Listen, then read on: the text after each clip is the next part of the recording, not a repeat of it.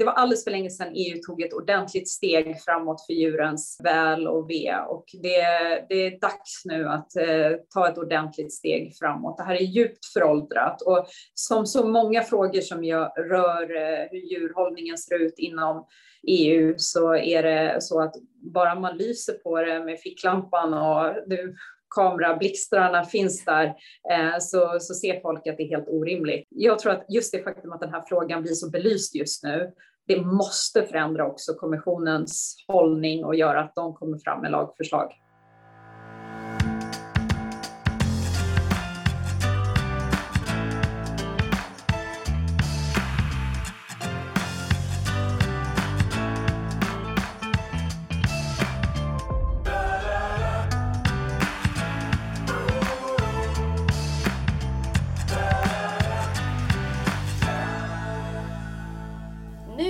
Kära lyssnare, har det blivit dags att prata om en stor framgång för djuren. Nämligen medborgarinitiativet End the Cage Age. Men ja, vad är det för något? Hur fick initiativet 1,4 miljoner underskrifter och vad innebär det för djuren?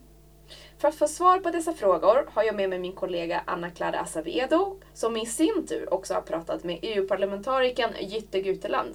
Men vi börjar med dig Anna-Clara. Hur, hur är läget idag? Det är bara fint. Det är väldigt varmt men jag är pepp på samtal om NDK Change. Ja! Eh, det är varmt. Det är ju mitt eh, i, i juni som vi spelar in det här avsnittet. Eh, dagen innan midsommar. Ja, ja. precis här sitter vi och ska prata NDKJ. Och jag tänker att vi börjar med det. Vad, vad är det? Jo, men NDKJ är ett medborgarinitiativ som har som mål att förbjuda djurhållning i bur inom lantbruket och ett samarbete mellan Djurens Rätt och eh, 170 andra organisationer. Eh, om, in, om initiativet blir verklighet så kommer det att förbättra livet för omkring 300 miljoner djur som hålls i burar årligen inom EU. Ehm, så det, det är verkligen stort. Wow, det var inte dåligt. 300 miljoner djur då. Ja, precis. Eh, vad, vad är det för djur? Jo, men det gäller bland annat då fixering av grisar, eh, burhållning av hönor, ankor och eh, vaktlar, eh, burhållning av kaniner och ensamhållning av kalvar i små bås. Och det är framförallt då hönor som vi har i, i Sverige framförallt. Ja. Som fortfarande hålls i burar. Just det, ja. Och, och det här initiativet fick ju jättemånga underskrifter. Eh, ja. Hur kommer det sig? Jag tror att den här frågan engagerar oerhört mycket. Eh, det här är ju det tredje mest framgångsrika medborgarinitiativet någonsin. Så att eh, Djurens Rätt har ju tagit en väldigt stor roll i det här. Och under, under 2019 eh, så samlade vi in närmare 50 000 underskrifter eh, från Sverige till det här initiativet och de lämnades då över till EU-kommissionen år 2020. Så vi var faktiskt bäst av alla länder på att samla in underskrifter, vilket vi verkligen kan vara stolta över tycker jag. Ja men gud ja, det var inte dåligt för ett litet land va? Nej, verkligen inte. Och vi har arbetat väldigt aktivt med att informera allmänheten om det här via sociala kanaler, eh, uppvakta politiker i frågan både i EU och i Sverige. Ehm, och vi har bland annat skickat öppna brev till EU-parlamentarikerna och skrivelser till kommissionen för att de nu ska gå vidare med det här förslaget. Okej, och vad, vad, är det, vad är det som har hänt nu under våren då? Vad är det som, som eh, är nytt sedan 2019? Ja, men det har pågått ett väldigt intensivt kampanjarbete nu under våren för att det är precis nu under våren som det här processas då i EUs olika institutioner.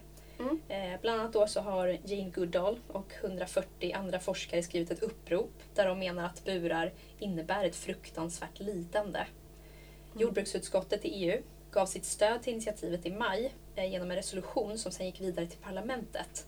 Och det här var ju också ett väldigt stort steg framåt.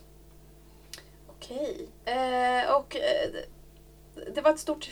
Var det det som hände liksom den 10 juni? Eller vad var det som hände den 10 juni? Jag vet att det var liksom ett historiskt datum. Men vad var det som hände då?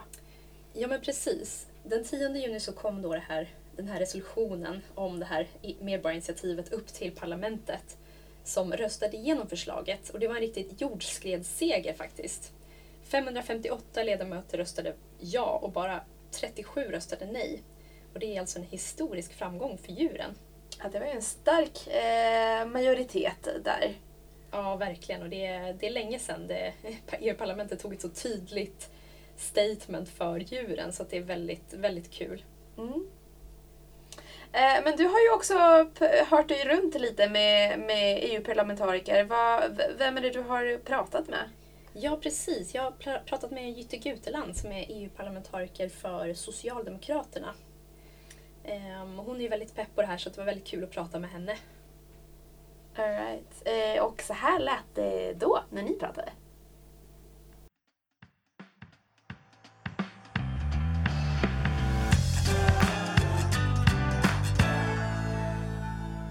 Hej Jytte! Eh, välkommen till Djurens Rättspodd där vi pratar om NVK Cage idag. Hej! Jättekul att vara med. Eh, jag tänker att vi hoppar direkt in på våra frågor här. Eh, hur, hur, ställer dig du och, och, vad tycker du om och Socialdemokraterna om medborgarinitiativet NVK Cage? Självklart tycker vi att det är ett jätteviktigt initiativ. Det visar ju hur starkt eh, de här frågorna berör, med rätta. Om man tänker på hur det skulle vara att eh, exempelvis som en del burhöns i eh, flera av våra medlemsländer tvingas eh, förhålla sig till ungefär en storleksyta som är ungefär ett A4-papper och leva på det sättet dag ut och dag in. Så tror jag att de flesta förstår att det är fullständigt ohållbart och ett djurplågeri. Och jag är väldigt, väldigt glad över att det här initiativet blev så stort och så uppmärksammat och att vi också fick igenom en resolution i parlamentet här eh, förra eh, plenaren som stöttar det här initiativet. Blev du förvånad över det starka stödet som initiativet ändå fick i parlamentet? Eh, ja, det är, en, det är en svår fråga för att egentligen vill inte jag säga att jag är förvånad. Det är ju fullständigt naturlig mänsklig reaktion att tycka att det är eh, Eh, förfärligt hur många djur blir behandlade och även när det handlar om detta att, att sitta i burar på det här sättet. Det är ju så fruktansvärt föråldrat och det innebär ett djurplågeri. Men med allt det sagt så har jag ju blivit luttrad efter ett par år här i, i Europaparlamentet och vet att eh, de här frågorna blir styrmoderligt behandlade ibland. Men jag tycker ändå nu att det har hänt någonting. Det här året är djurrättsfrågorna större eh, och de har blivit mer omdebatterade. Ja, vad roligt att höra. Ehm, I Sverige hålls ju fortfarande omkring 500 000 hönor i burar inom äggindustrin och det här skulle då bli förbjudet enligt NB Cage Age. Men även minkar hålls i burar inom pälsdjursindustrin i Sverige. Ehm, kommer det hända något för att även dessa burar ska bort inom EU eller i Sverige? Vad tror du?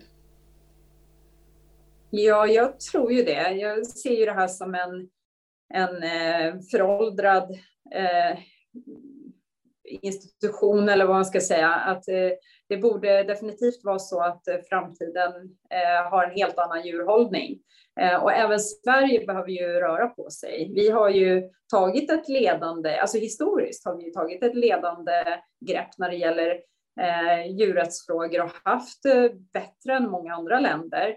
Men eh, jag tror att vi är i behov av också ibland titta på oss själva och se eh, vad vi behöver gå framåt och vad vi kanske har stagnerat eller till och med gått bakåt på ett par punkter. Så att eh, ja, det här handlar ju också om Sverige. Du var ju också inne lite på det eh, tidigare i ditt svar. Eh, men kan NVK bana väg för mer progressiv djurskyddspolitik även inom andra områden, till exempel inom djurtransportfrågan? Jag tror faktiskt det. Jag tror att eh, det är viktigt, det är en viktig psykologi när eh, politiker och de som är folkvalda representanter eh, säger ja till en sak som handlar om eh, förbättringar för djurhållning, då kommer också det att vara vägledande nästa gång en, en fråga diskuteras. Så jag tror faktiskt att det, är lite, det blir lite en snöbollseffekt. Att får man eh, bollen att börja rulla så kommer den växa sig större eh, och fler kommer att fundera på de här frågorna. Eh, och nu har vi till exempel en, en diskussion här i djurvälfärdsgruppen i parlamentet om att vi vill få upp frågan om eh, djurskyddsförsök i forskning eh, som eh, en eh, resolution och vi skulle vilja ha den nästa, eh, i juli då på, på nästa, nästa gång parlamentet sammanträder och röstar eh, om våra olika lagförslag men också resolutioner. Och min förhoppning är ju då att eh, ledamöter som har varit involverade i det här, att vi är lite inoljade, vad kallas det? Eh, maskineriet är, är igång, så ska jag säga. Det lät lite konstigt. Eh, och därför så, så tror jag att det, kanske är mer möjligt nu då. Ja, men kul att höra. Um, vad blir då nästa steg nu för NDKHH? Ja, nu är, ju, nu är ju bollen hos EU-kommissionen och Eh, vi har ju uppmanat då eh, kommissionen att eh, komma fram med, med ny lagstiftning. Så att nu handlar det om att se till att de inte glömmer bort det och att de lyssnar både på medborgarinitiativet men också på ett parlament som hade en stark majoritet för det här. Så det var ju ändå ett tydligt parlament. Och där har ju också Ursula von der Leyen, kommissionens ordförande, sagt att man ska lyssna på parlamentet på ett annat sätt den här mandatperioden när det gäller vi är ju en lagstiftande församling, så vi jobbar ju med lagstiftningen. Men även då när vi uppmanar i eh, olika typer av initiativrapporter eller lagstiftande initiativrapporter så har vår nuvarande eh, kommissionsordförande sagt då att hon ska se till att kommissionen lyssnar i större utsträckning och reagerar på vad parlamentet har sagt att man vill se. Eh, så det kommer vi att hålla henne ansvarig för såklart och försöka att eh, Eh, få dem att minnas eh, det här och eh, att de verkligen också kommer med ett lagförslag. Sen får jag nämna en sak till. Det här året är också viktigt när det gäller de här frågorna eftersom vi har en, en period här nu när, när kommissionen ska se över lagstiftning som också rör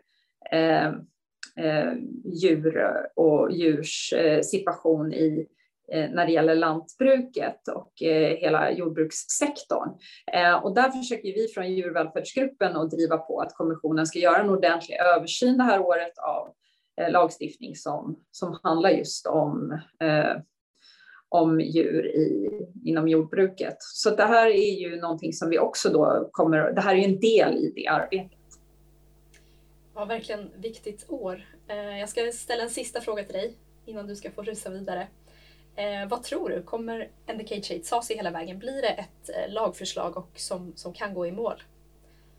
Ja, det måste det bli. Eh, jag, jag, jag tänker att det här är eh, historia. Det var alldeles för länge sedan EU tog ett ordentligt steg, eh, steg framåt för djurens eh, väl och ve. Och det, det är dags nu att eh, ta ett ordentligt steg framåt. Det här är djupt föråldrat och som så många frågor som jag rör eh, hur djurhållningen ser ut inom EU så är det så att bara man lyser på det med ficklampan och du, kamerablixtarna finns där eh, så, så ser folk att det är helt orimligt. Eh, så att jag tror att just det faktum att den här frågan blir så belyst just nu det måste förändra också kommissionens hållning och göra att de kommer fram med lagförslag. Stort tack till dig Jytte för att du var med i podden idag. Tack så jättemycket.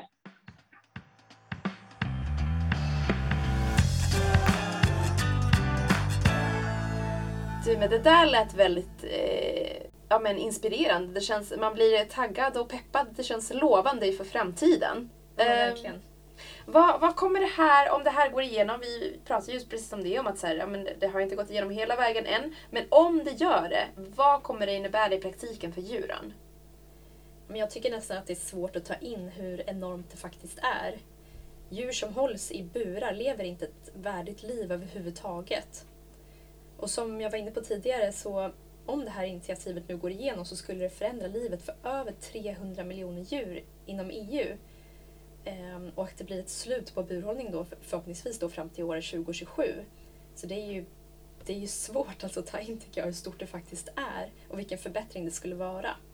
Ja, det är faktiskt helt enormt. Alltså, jag, jag, tänker att det måste vara nog det största som har hänt kanske, alltså rent lagstiftningsmässigt, eh, de senaste åren för djuren. Ja, verkligen. Och också om man tänker på vilka ringar på vattnet det här kan ge till andra kontinenter och visa världen på en ny typ av djurhållning. Att det, att det går att genomföra också politisk förändring. Det är, mm. det är enormt faktiskt. Mm. Men vi, mitt i det här samtalet, som sagt, eh, dagen innan midsommar, så är det regeringskris. Eh, hur påverkar det det här beslutet? Alltså det är klart det alltid svårt att säga. Det kan ju alltid påverka lite grann på, på nationell nivå. Men eftersom att det här är en EU-process just nu så bör inte påverka så, så mycket.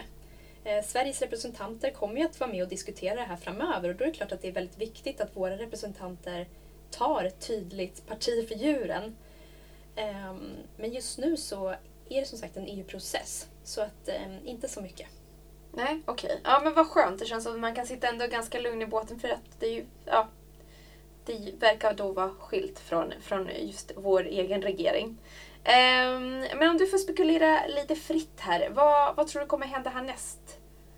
Ja, men jag är väldigt optimistisk. Jag tror att kommissionen nu kommer att ta fram ett kraftfullt lagförslag och att ta det här hela vägen in i mål. Det är i alla fall det jag hoppas på, det som vi på Djurens Rätt absolut kommer att fortsätta jobba med varje dag som vi kan. Tills, tills det här är taget. Um, och en, en sista fråga då. Till den som lyssnar eh, just nu och som kanske känner sig inspirerad av både det du har berättat men även av det som Jytte berättade. Hur kan lyssnare engagera sig? Ja, men det är viktigt att vi är en stark röst för djuren. Jag skulle säga att det här samarbetet som vi har haft nu mellan andra organisationer i EU som har samlat in de här namnen visar ju på hur viktigt det är att vi är en stark röst för djuren. Så jag skulle faktiskt vilja säga, bli medlem i Djurens Rätt. Vi behöver vara många och vi behöver höras och synas och, och fortsätta med den här typen av initiativ. För att vi kan verkligen göra skillnad. Ja, och det blir ju helt absurt stor skillnad, verkligen. Eh, enormt. Ja. Men eh, du, eh, då kan vi sammanfatta det hela som att eh, ett medborgarinitiativ är igång. Den har tagit sig igenom första instans, som jag förstår. Ja precis, det har ju varit en lång process för att ja. hamna hit. Och det kommer vara, det är en bit kvar fortfarande men jag skulle säga att det ser väldigt ljust ut. Stay tuned! Stay tuned! Eh, men tack Anna-Klara för att du var med på podden. Eh, och tack till dig som lyssnar. Eh, som Anna-Klara lyfte, så eh, gå in på djurensrätt.se medlem och bli eh, medlem och stötta vara en röst för djuren och se till att vara med och påverka de här processerna. Tack och hej! Tack! Glöm inte att prenumerera på podden så att du inte missar ett enda avsnitt.